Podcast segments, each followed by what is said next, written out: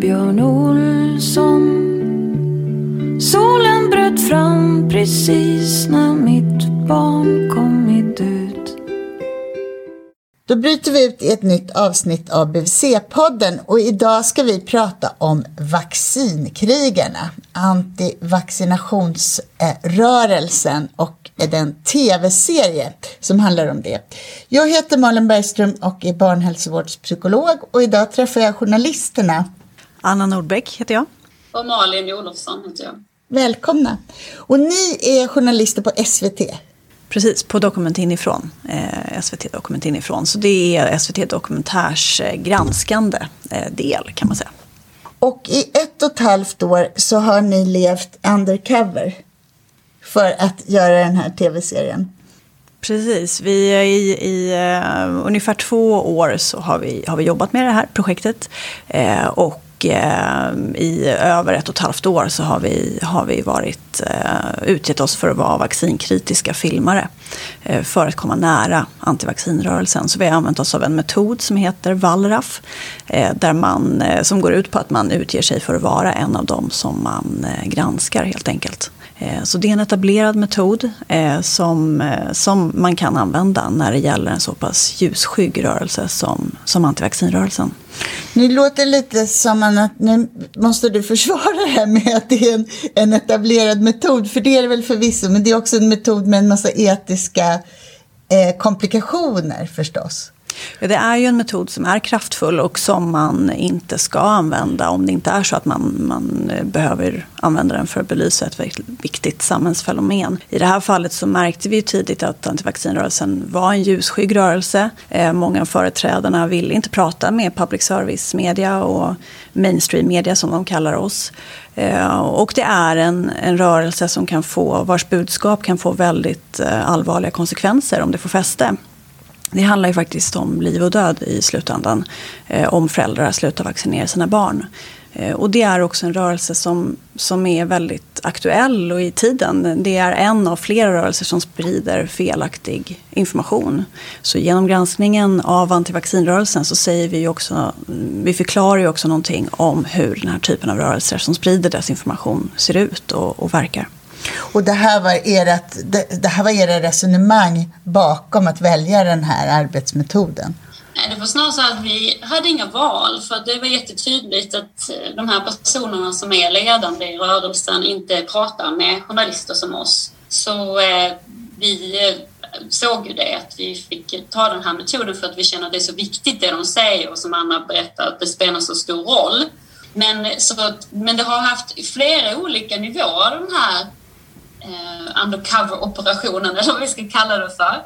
Eh, för att eh, vi vill ju först försöka förstå eh, vi, vi, visste inte mycket om antivaccinationsrörelsen tidigare.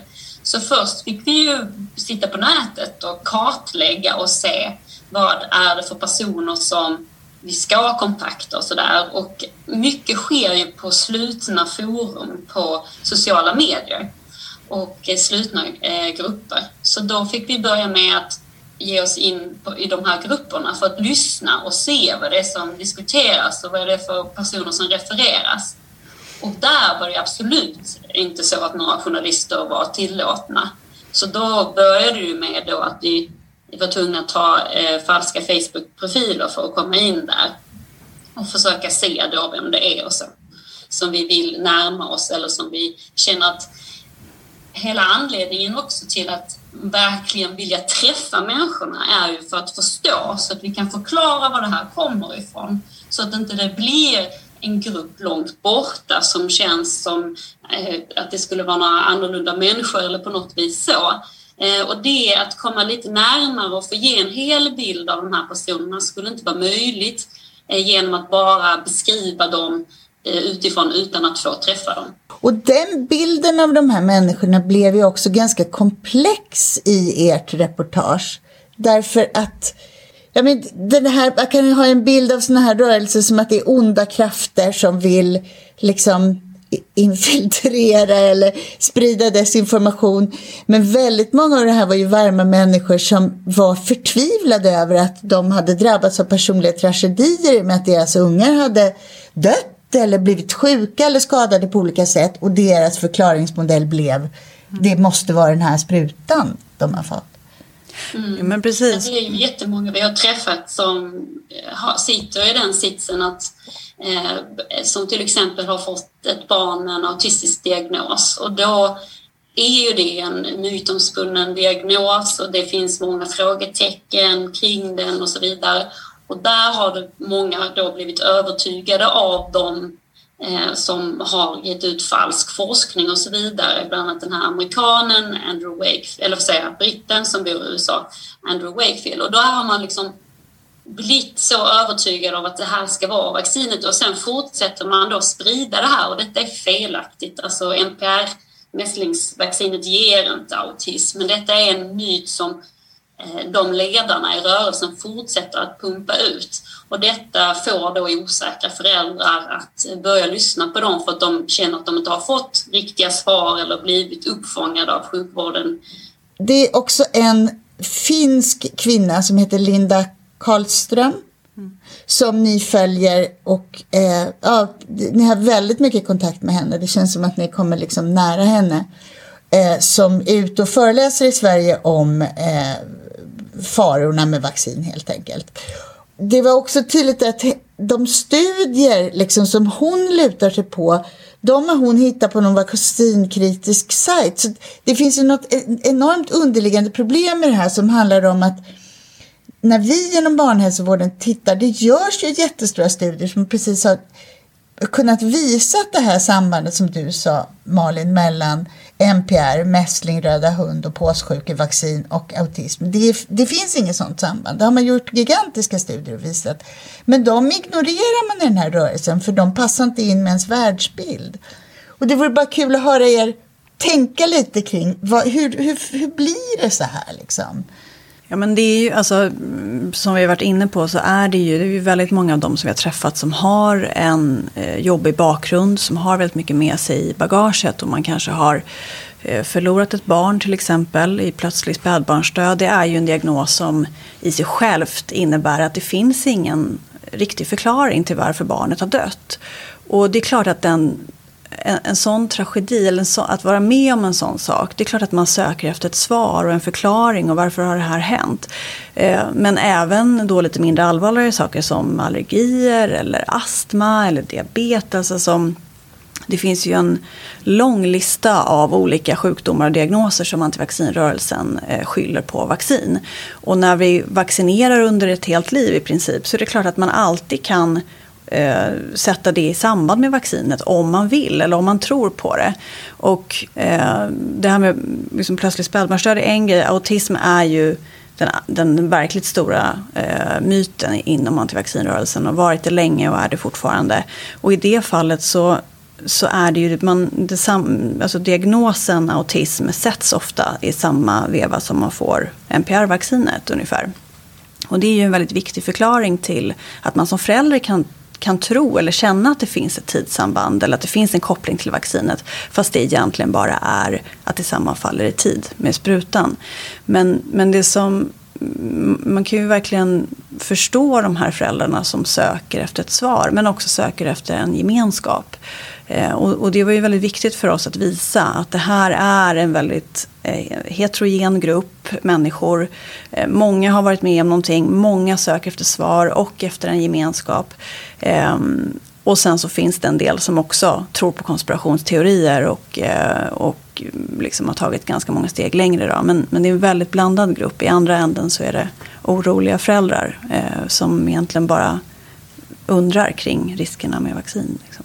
Eh, om du inte har fångats upp i ditt sökande efter svar kring vad som har hänt ditt barn och sen helt plötsligt så står det någon där med superenkelt svar och en tydlig eh, det är ju inte så svårt att bli arg på läkemedelsbolagen. Vi vet ju liksom historiskt vad det har skett massa olika saker. Så det är en, och då får man en, någon att vara förbannad på och någon att kämpa för. Liksom att inga fler ska drabbas av och så finner du en gemenskap som förälder där du kan söka den här trösten som du kanske inte har fått någon annanstans.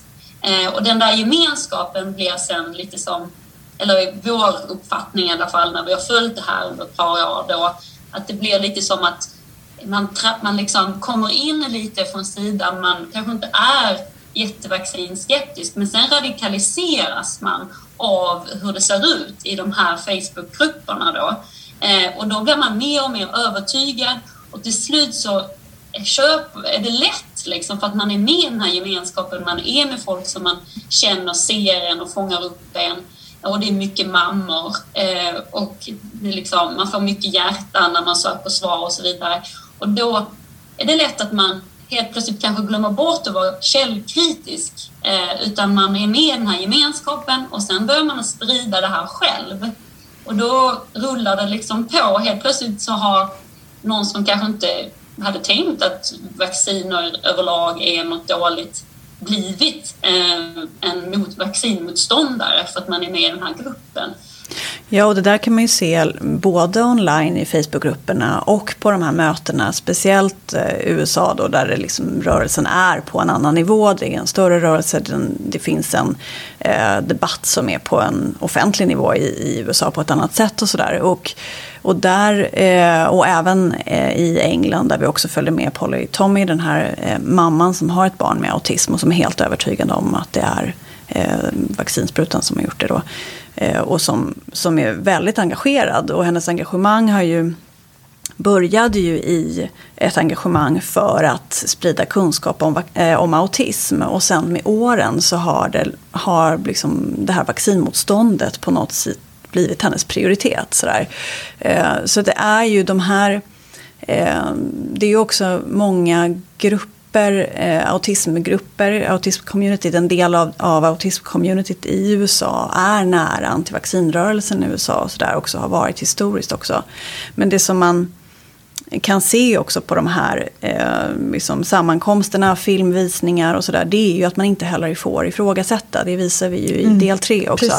Och, och, problemet med att inte få ifrågasätta, eh, det blir ju att Eh, det blir ju otroligt bra grogrund för grupptänk och cirkelargumentation eh, kring... För om man inte får ifrågasätta då, då blir det väldigt svårt med det här som Malin säger, att vara källkritisk. Och detsamma har vi ju sett i grupperna på Facebook i Sverige, eh, vilket är ett väldigt stort problem.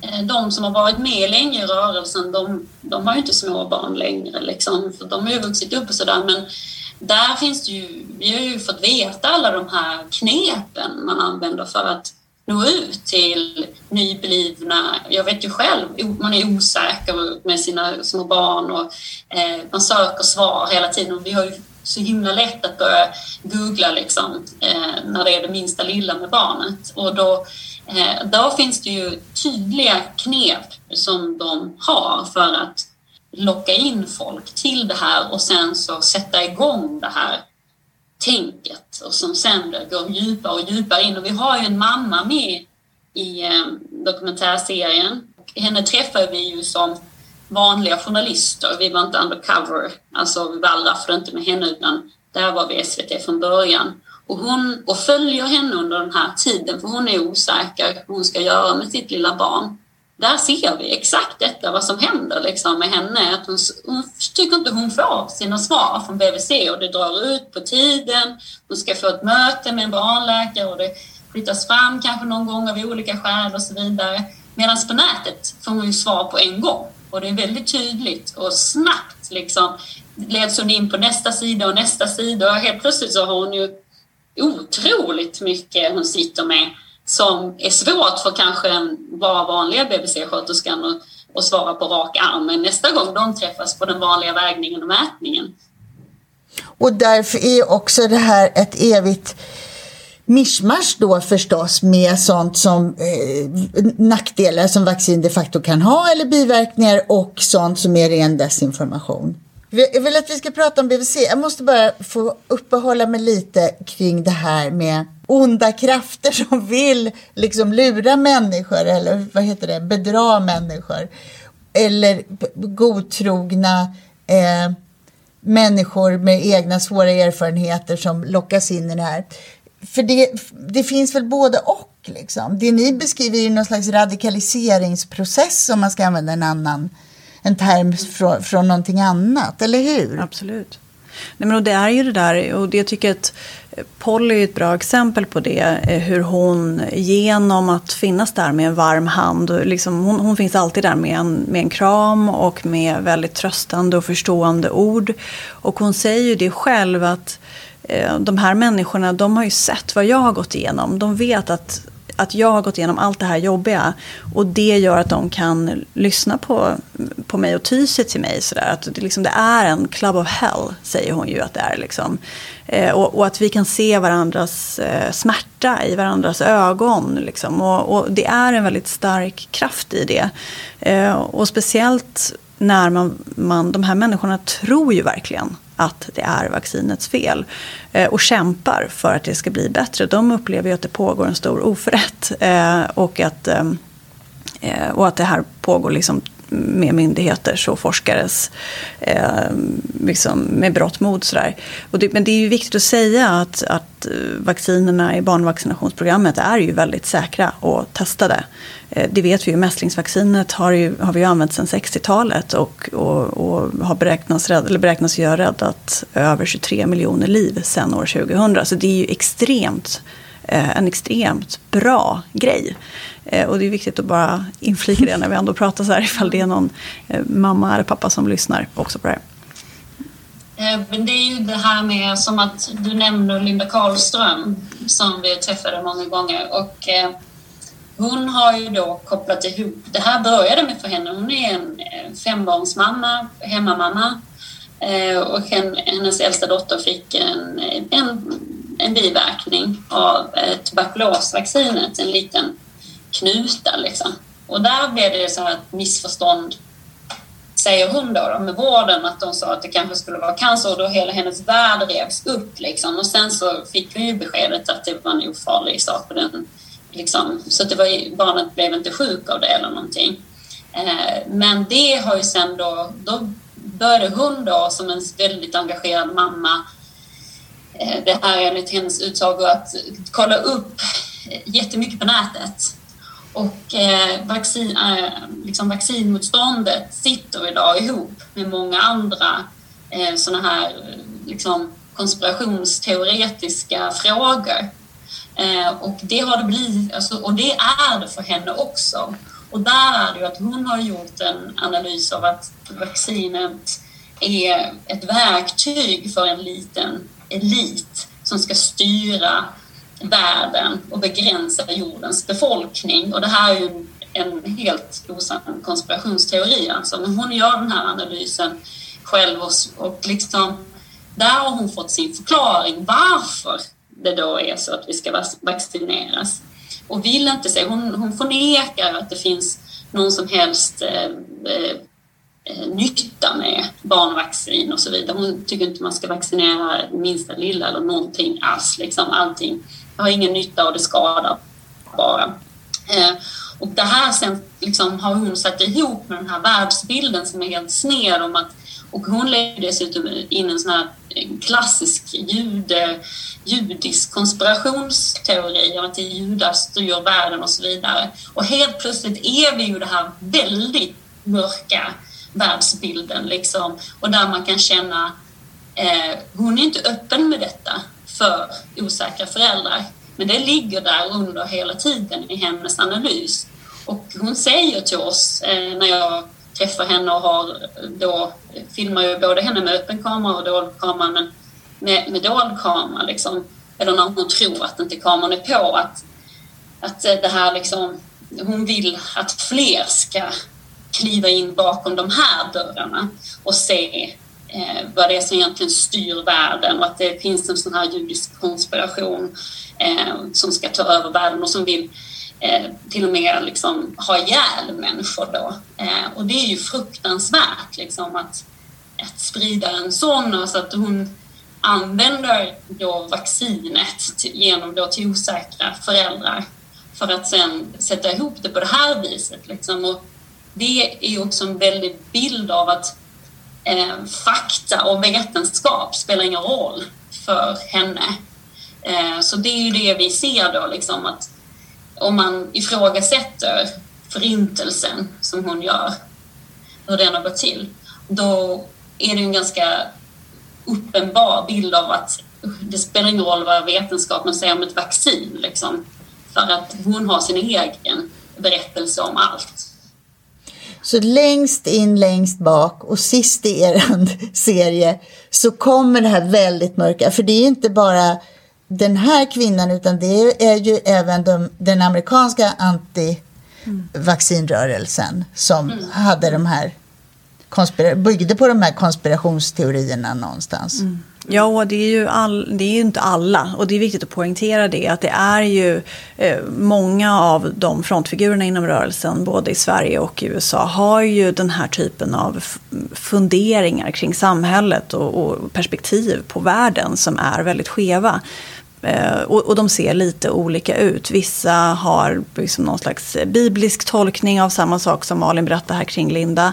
Eh, an, vissa har eh, liksom pratar om eh, population control precis som Linda gör. Och liksom att, att varje land vill kontrollera sin population och, och, eventuellt så görs detta med hjälp av vacciner och så vidare. Så det, det är en det är också en typ av konspirationsteorier som i vissa fall närmar sig Qanon, eh, som ju pratas väldigt mycket om nu också. Eh, men, men det är eh, en del av antivaccinrörelsen. Sen finns det väldigt, väldigt många som, som vi nämnde innan som, som bara är föräldrar i största allmänhet. Eh, som mm. kanske har varit med om någonting, eh, som har fått då ett svar i vaccinet på, på det de har frågat efter, det liksom, svar de har sökt efter och därför har blivit vaccinmotståndare. Eller då eh, som, som inte alls är emot vaccin utan som, som bara funderar kring det och som undrar och som vill få svar eh, på sina frågor och som kanske inte kan få det hos BVC. Eh, det är väldigt lätt att sugas in av den här rörelsens argument. Och, och de vet ju inte, som i fallet då i Sverige och i Norden, då lyssnar ju Linda Karlsson låter jättebra liksom, i sina onlineföreläsningar eller föreläsningar som man kan åka till. Och, och, där kan ju personer då, man sitter och lyssnar och man kan köpa allting men man vet inte riktigt vem hon är. Liksom. Och det kan ju vi känna då att hur mycket lyssnar man på henne då? Om man vet vad det är för fakta hon lägger fram och hur hon ser på vetenskap i övrigt kring förintelse och så vidare. Mm. Så att det är ju det där att eh, man allt ser så bra ut kanske vad de här ledarna säger om man inte går djupare eller träffar dem som vi gjorde. Liksom. Men någonstans i era resonemang nu så kan inte jag låta bli som jobbar inom barnhälsovården och koka ner det här till att det finns en risk att om inte vi fångar upp och möter de här föräldrarna med liksom egentligen friska barn som inte har några större problem utan att de har en helt naturlig tveksamhet till att peta i barns immunsystem eller hur man nu, vad man nu är orolig för. Liksom. Eller att man är rädd att det ska göra ont när man vaccinerar eller vad det är. Om inte vi fångar upp dem antyder ni, så finns det en risk att man hamnar i den här desinformationen som är otroligt slipad, som erbjuder hjärtan bekräftelse, väldigt liksom enkla, lättförståeliga samband och så vidare. Mm. Ja men verkligen och det är det som har i början eh, och under tiden som vi filmar henne så, så märker vi ju hur hon dras in av antivaccinrörelsens argument och hur mycket svårare det blir för henne att faktiskt för, kunna kunna skilja på vad som är riktig information och vad som inte är det. Eh, för hon söker sig ju både till BVC och till FASS och till Läkemedelsverket och 1177 och alla de här liksom vanliga eh, informationssajter eh, och, och, och så hämtar. Men, men söker sig också till Facebook eh, och till de grupperna där. Och där får hon ju tips på länkar som hon läser. Hon får tips om eh, så kallade forskare som, eh, som har långa videos på YouTube som går att titta på som är helt omöjligt att som vanlig förälder bedöma sanningshalten i. Och eh, pratat mycket med henne just under tiden som, som jag följt henne att hon har så, hon, hon har ju försökt fråga BVC väldigt många gånger. Men hon får inte riktigt svar. Eh, hon upplever kanske att hennes frågor är lite för detaljerade för BVC att svara på. Eh, hon har fått vänta länge på att prata med en barnläkare som kan då ge henne hjälp. Eh, nu befinner vi oss mitt i en pandemi och det, men det är ändå kan jag tycka anmärkningsvärt att hon börjar fundera kring vaccin redan i januari och sen i oktober ungefär så har hon fortfarande inte fått svar på de frågor som hon som hon ha, behöver få svar på innan hon vet hur hon ska göra med vaccinerna. Och där är ju ett problem hos, eh, liksom i hela vårdstrukturen på något vis skulle jag, skulle jag vilja säga. Då, nu ska inte jag försvara oss, Anna, för det menar jag inte. Men jag, kan det också vara så att man inte kan ge svar? Att vi inte kan ge svar därför att våra svar är fyrkantiga och tråkiga och vi sitter och berättar omständigt om en dansk studie med hundratusen barn och då har man inte sett och så slipper ut något ord som är lite svårt liksom för den här typen av studier är jättesvår att förstå och förklara. Absolut och det tror jag är en, en jättestor del av problemet att det som Malin var inne på tidigare att på nätet får man snabba svar, enkla svar, det är svartvitt eh, medans eh, vetenskap är ju så till naturen att det är inte svartvitt. Det är gråskalor och man kan inte säga någonting hundraprocentigt utan man säger eh, vi har inte sett att det här har en koppling och så vidare. Det är klart att det inte upplevs lika övertygande. Jag tror att det finns, vi har pratat också med, med en del BVC-sköterskor och, som uttrycker eh, att det finns Eh, det är en ny föräldrageneration idag som söker efter information om inte bara vacciner utan också om eh, mat, liksom ekologisk mat eller inte, giftfria nappar och leksaker och sådär. Och där, där slinker eh, vaccin med. Problemet är att en BVC-sköterska Eh, som då inte har en eh, läkarutbildning i grunden, eh, som inte oftast är forskare och sådär, och som får väldigt detaljerade frågor av en orolig förälder. Det är klart att det blir svårt för honom eller henne att svara på de frågorna då. Så att det måste ju finnas, det som, det som skulle behövas är ju någon typ av lösning där föräldern ändå kan känna att de får svar på frågorna och BVC-sköterskan då kan, kan hjälpa till med det. Kanske en Q&A till exempel. Eh, för det är ungefär samma frågor som cirkulerar och förekommer eh, hos oroliga föräldrar och i grupperna och sådär. Vi behöver ett BVC på nätet också. Ja, precis. Om man skulle kunna sitta och chatta med en BVC-sköterska istället för att skriva i grupper på, på nätet så hade det kanske kunnat vara en, eh, liksom ett sätt att möta upp de här föräldrarna som annars söker sig till sociala medier för svar.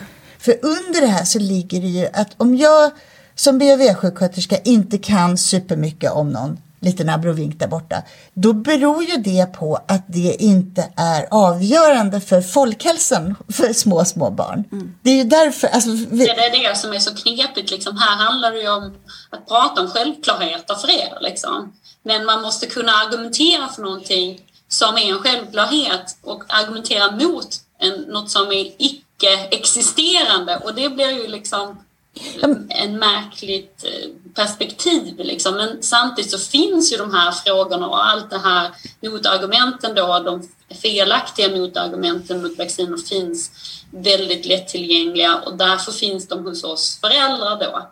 Och då måste man bemöta dem. Jag tror också att det är viktigt att BVC eh, är lite medvetna om liksom, kanske är med i de här grupperna, följer lite grann hur tugget går liksom, och vad som händer. För det har vi ju när vi har varit i kontakt med många sköterskor så har man inte så bra, kanske jättebra koll på eh, vilka det är som driver de här frågorna och vad de eh, hämtar sin information ifrån och så. Eh, så där tror jag det är jättebra för att det är ju svårt. Vad ska man göra som sköterska när det kommer någon som har då kanske det inte alls handlar om att det är ett svårt ord i en forskning som är problemet utan det är snarare att mamman eller pappan är väldigt påläst utifrån någonting. Och då blir man liksom lite perplex och vet inte riktigt hur man ska eh, liksom, för att vi kommer ju också från en tradition där det är väldigt mycket folkhälsan och Folkhälsomyndigheten och så vidare som ligger och har liksom en ett sätt att man säger så här är det och sen så ska man lita på det. Men idag har vi ju ett annat eh, klimat där vi tar reda på allting själva, vi vill ha transparens och sådana saker. Det går inte att bara basunera ut någonting utan man måste kunna svara då på de kritiska frågorna och ta en diskussion. Liksom. Men eh, är det... det är väldigt tydligt i de föräldrarna som vi har träffat som är skeptiska. Liksom. Är det du säger då Malin egentligen att vi behöver ta oss mer tid och sitta och resonera med folk. Och liksom vända och vrida på saker tillsammans och att det har någon slags patriarkalt lite överifrån perspektiv. Att vi är, jag kan mer än du och prata ner till folk, det håller inte längre. Är det så du? Nej, jag tror inte det håller liksom att bara ha en, en envägskommunikation liksom. Men sen självklart inte resonera liksom att att jaha, du säger så, det kanske är så, när det inte är så. Man måste ju ha faktan på bordet. Liksom. Mm. Och jag tror att många är vi föräldrar som vänder oss till BVC för att vi vill ha korrekta svar, känna oss trygga och känna att eh, ni tar oss på allvar och, och liksom att man får svar. Och det är som en... Alltså, vi kanske inte har samma kommunikation med våra föräldrar längre utan då BVC har ju en jätteviktig roll idag när det är så mycket all möjlig information som cirkulerar, då blir det ju som en trygg, trygghetsfamn. Det som är problemet då är att de här Facebookgrupperna med de som är emot vacciner, de säger, uppmuntrar föräldrar att gå inte till BVC överhuvudtaget. Och där är ju ett dilemma. Hur gör man för att inte tappa kontrollen, alltså över, liksom, eller tappa kontakten med familjen och, och det här viktiga att kunna följa upp barnet och så för att man tar en, en känslig diskussion någon vaccin. Så det är en jättesvår situation som vi sitter i liksom, som BVC-sköterskor. Jag tänker på en annan aspekt av det där och det är den här bekräftelsen och kärleken och känslorna. Alltså, jag är orolig inför det här och jag, jag kan inte allting och vem ska jag lita på? För jag har alltid tänkt att vaccin handlar otroligt mycket om tillit. Att jag måste känna tillit till liksom myndigheter på något sätt. Som, för de fattar beslut och gör bedömningar som jag, även om jag själv är forskare, så kan jag kan inte omfatta den kunskapen. Jag måste lita på andra. Som jag måste om jag ska få en operation överhuvudtaget. Men liksom, om den tilliten inte finns, hur ska man då på BVC vinna den? Därför att frågan är ju om vi någonsin kan eh, ge den bekräftelsen och det här den varma famnen som de här grupperna erbjuder av igenkänning och så. Mm. Mm. Nej men det är ju, alltså, det är precis som du säger, det är en jättesvår fråga. Och jag vet att liksom, både det finns jättemånga BVC som jobbar med det här och myndigheterna jobbar med det på, till viss del också. Hur man ska bemöta föräldrar som har frågor och har oro. Och, eh, och, och, många av de vi pratar med säger ju att ja, men det är viktigt att ta föräldrarnas oro på allvar. Eh, så det finns ju en liksom, eh, kunskap om det, eller liksom en, en en vilja att möta föräldrarnas oro och sådär. När det då inte finns svar, det är därför vi liksom, kanske att en Q&A skulle kunna vara en första eller en, del, en dellösning. Eh, för när det inte finns svar, då söker ju hon sig till nätet. Precis som man alltid gör när man undrar över någonting och inte får svar direkt så är det väldigt lätt att gå ut på nätet. Och där får hon där är det väldigt lätt att hamna i de här grupperna. För henne så började det ju med eh, en förlossningsgrupp och sen så blev hon tipsad vidare via olika grupper och hamnade i den här vaccingruppen. Och trodde att det fanns bra information där. Så det är också en väldigt, det illustrerar ju också vilken liksom slippery slope det faktiskt mm. är. När man befinner sig på nätet och man är i en sån här förlossningsgrupp som, som ju väldigt många är med i eh, under förlossnings BF-grupp. Liksom. Eh, och hur lätt det är att halka dit. Eh, och jag tror att eh, liksom det behöver finnas ett stöd och det behöver finnas, som Malin säger, så, så gäller det ju att man sätter ner foten och förklarar att vaccin är bra. Men jag tror också att man måste förklara hur vaccin är bra. För det är någonting som också återkommer, att, eh, att man inte får någon förklaring kring hur farliga de här sjukdomarna faktiskt är. Hur, eh, hur bra vaccin är, liksom vad det gör med samhällen om vi inte har vaccin. Eh, och jag tror det är extra viktigt liksom, Eh, Eh, vår generation, den här generationen föräldrar som, som eh, har barn nu har ju inte upplevt sjukdomar som mässlingen i Sverige. Så att för oss är ju det liksom, det är ju någonting som hör till historien. Eh, och det är ju det som också det som, liksom, eh, som ni vet kallas för preventionens paradox, att då börjar man fokusera på riskerna med vaccin istället. Eh, och det, jag tror att det är viktigt att ha med sig det där, är att, att föräldrar idag kanske inte har den kunskapen och att man som BHV-sköterska måste ge den kunskapen om vaccin och om sjukdomar. Eh, men också jag tror den här liksom vikten att, att det finns lite snabbare information också tillgänglig. Eh, och där är ju, liksom, om man skulle finnas på sociala medier eller så som, som du föreslog då. Jag, jag tänker på en annan aspekt av det här kan ju också vara Alltså vill man ge det här uppmärksamhet? Hur stort är problemet? Mm. Är, det, är det bra, som vi pratar om samhälleligt, om nästan alla frågor som är lite liksom kniviga. Ska man bara försöka liksom låtsas som det regnar och, och att det här det finns nog knappt eller växer det om vi ger det uppmärksamhet eller så. Mm. Vad tänker ni kring det? För det måste ju ni ändå fundera på när ni närmade er det här ämnet och la två år av era liv. Absolut har vi tänkt på det mycket. Det vi såg var ju att det finns ungefär 20 procent av dagens föräldrar som är osäkra. Alltså de är inte helt säkra på om de ska vaccinera sina barn. De är lite eller mycket tveksamma enligt eh, undersökningar från Folkhälsomyndigheten. Och då har vi ju ändå en ganska stor del föräldrar som är ganska lättillgängliga på det viset att de kanske är ute och ställer frågor på nätet och kan söka sig till de här grupperna på sociala medier och då kan fångas upp av de här eh, eh, vaccinmotståndarna. Och då om, nu säger jag inte att det skulle bli så, men eh, vi vill ju inte se 20 procent av dagens föräldrar som slutar vaccinera sina barn för då får vi ju tillbaka de här sjukdomarna som vi har vant oss vid att leva utan. Då skulle vi mista flockimmuniteten och då skulle ju alla de som inte kan vaccineras drabbas eh, som har en sjukdom eller alla, jag menar för mig började det mycket med att jag flyttade till Berlin med en två veckor gammal bebis då och det tog det är ju 18 månader innan han skulle få vaccinet enligt svenska modellen då. Och eh, där hade det varit ett mässlingsutbrott och alla de här små barnen då som eh, i det är olika tidpunkter i olika länder när man får sprutan men ändå att det är flera månader där som inte har något skydd.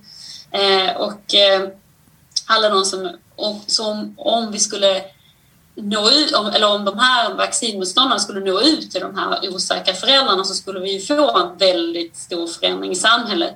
Och som vi ser i andra länder som ligger väldigt, våra grannländer, Tyskland, liksom, där har vi områden inom landet där, det inte, där vaccinationsgraden har sjunkit så pass mycket så att även eh, andra då som är för vaccin måste eh, vara eh, uppmärksamma på hur det ser ut eh, och sådär om det, fin- om det är mässlingsutbrott och så vidare.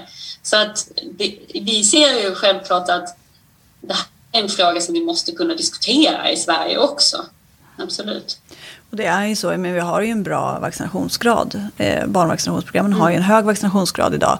Men eh, problemet med den här typen av, eh, det här handlar ju om attityder och det mäter man ju inte på det sättet med den typen av statistik. Det går ju inte, utan det här är någonting som händer innan det syns i statistiken.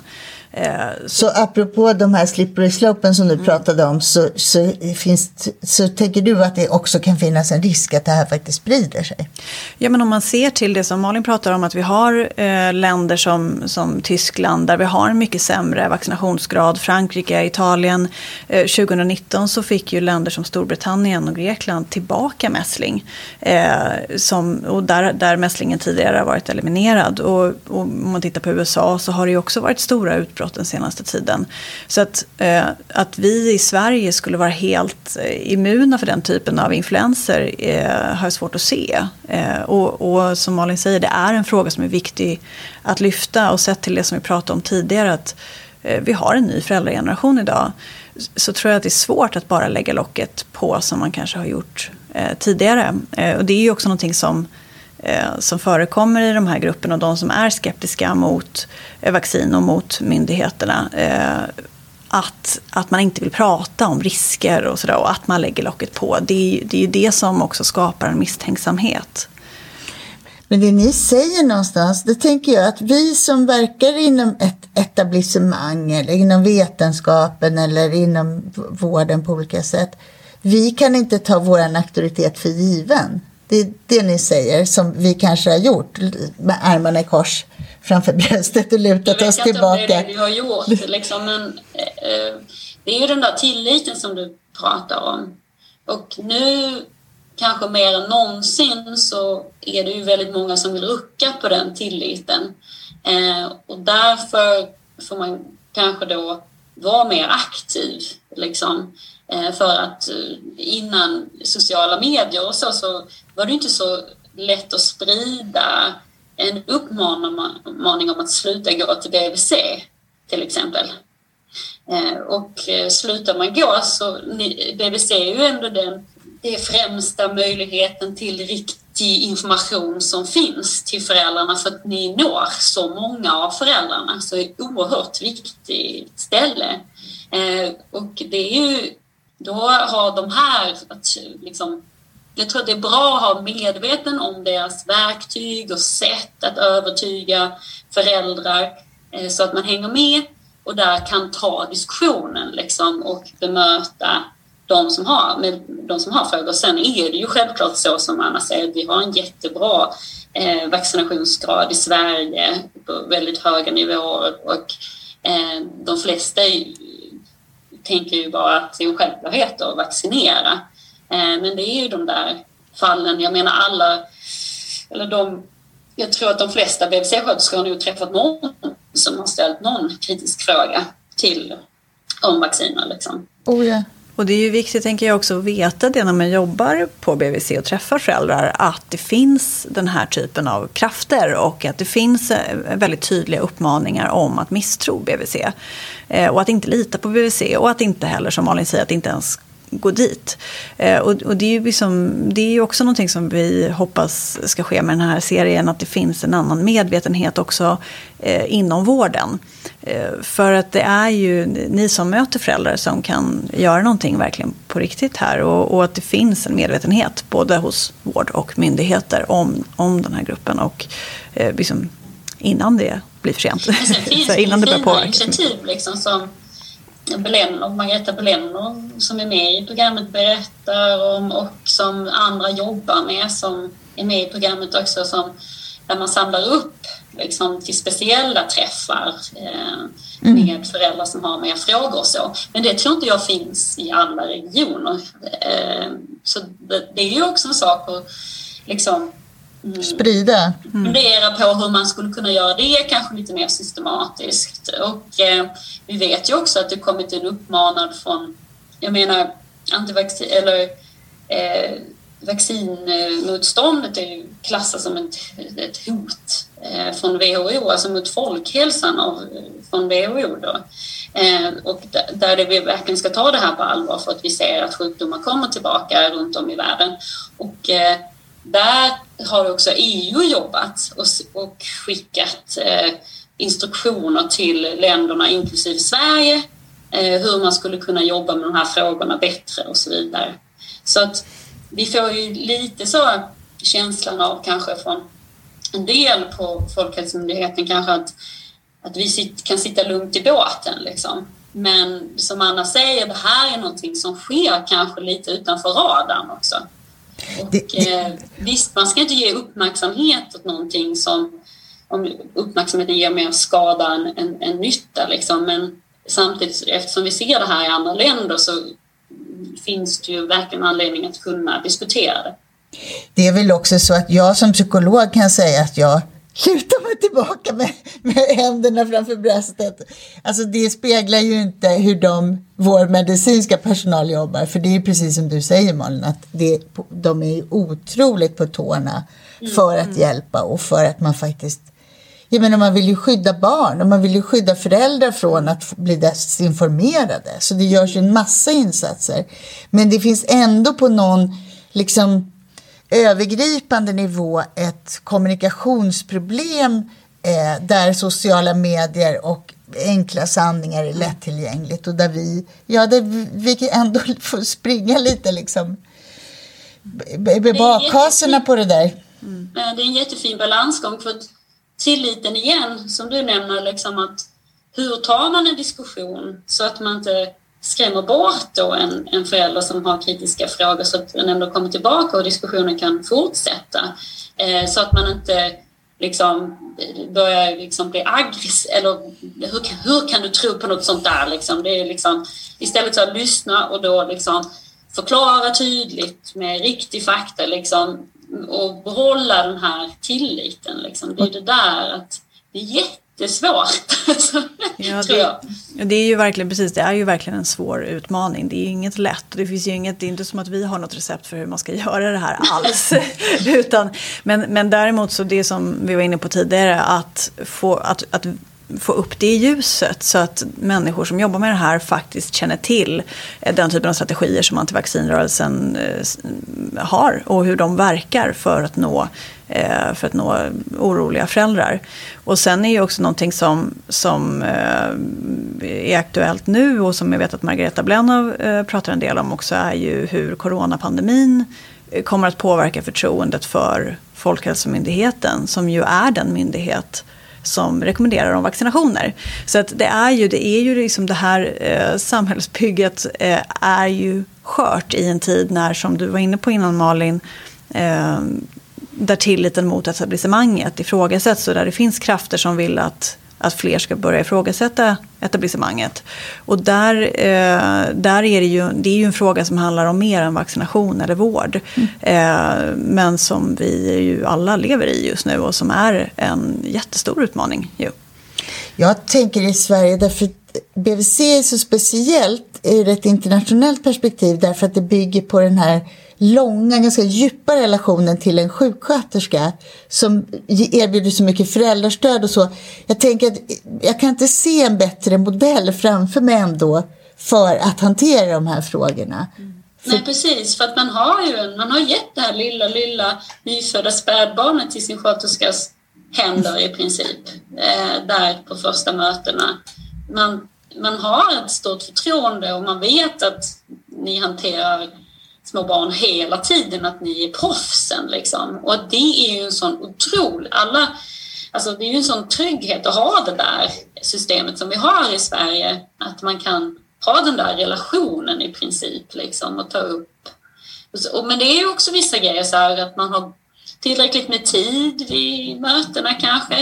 Eh, liksom, mm. Att inte allt ska Ibland kanske det är många barn på samma ställe som, så då har inte sköterskorna jättemycket tid och sådana saker. Det är, kan ju också spela en roll, liksom, att man känner att man har plats att komma med sina funderingar och så. Jag vill fråga en annan sak. Vi återkommer till ordet tillit hela tiden och jag läste Linda Karlströms blogg efter eh, att ha träffat er och hängt så mycket med er. Och jag vill bara liksom, hur har det varit rent psykologiskt för er att utge er från att vara, för att vara, liksom bilda vänskapliga relationer till folk som ni egentligen bedrar liksom? Hur har det varit i det där? För jag tycker att det är så speciellt just med människor som saknar tillit, tillit till det som du kallar Anna, mainstream media och ja, ni förstår vad jag är ute efter. Mm. Ja, precis. Det är de som kallar det för mainstream media. Mm. Bara, det är inte jag som...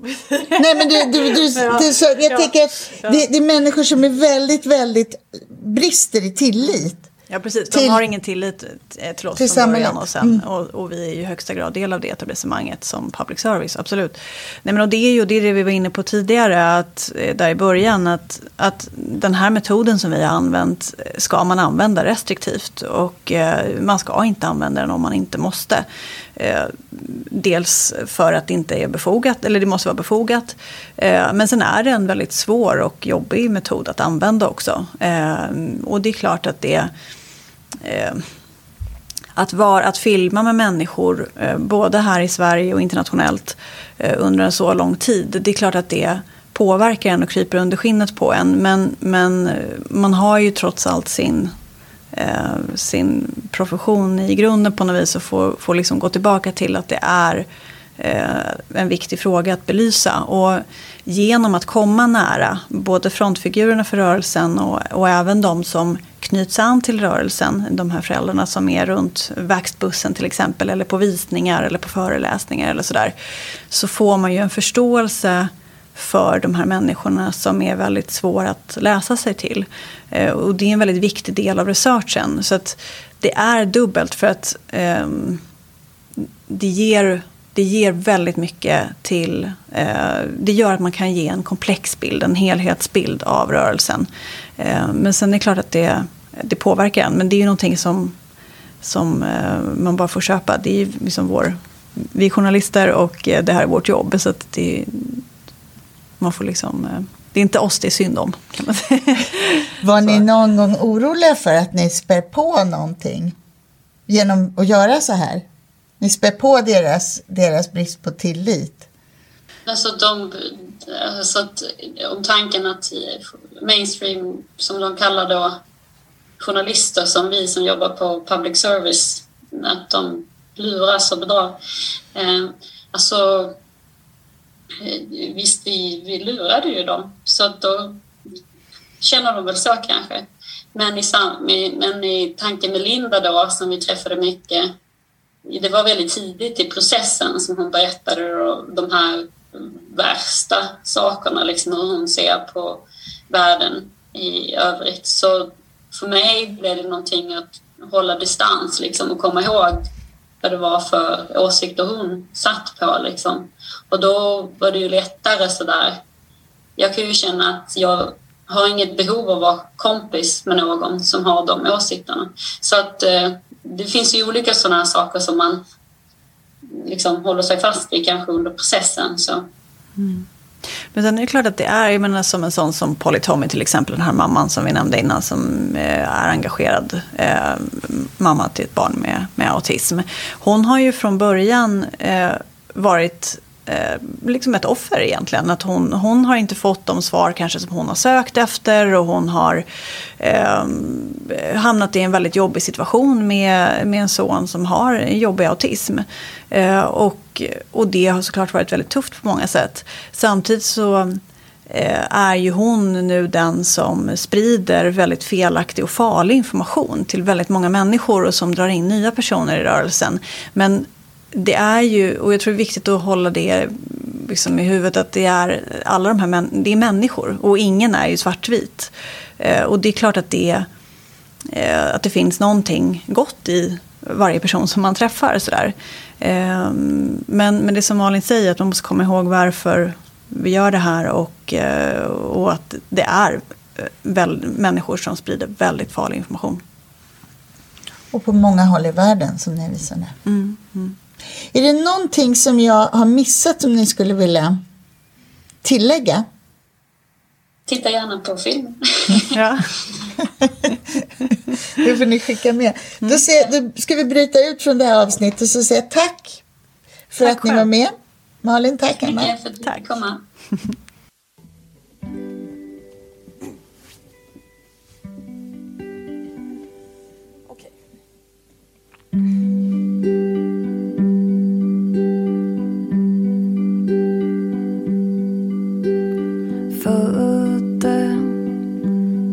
barn till Björn Olsson.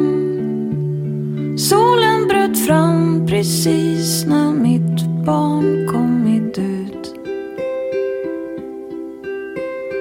Låg i en pöl av svett och blod.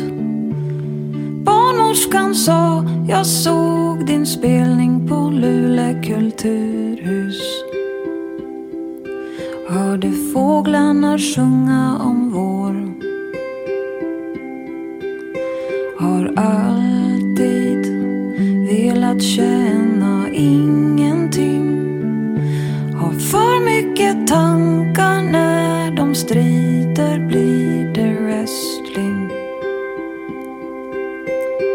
Hur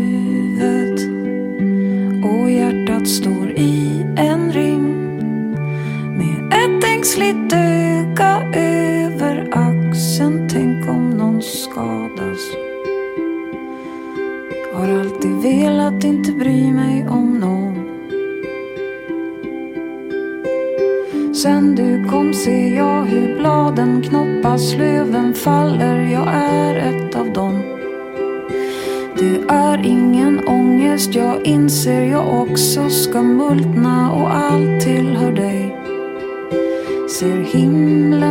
åter bli grå.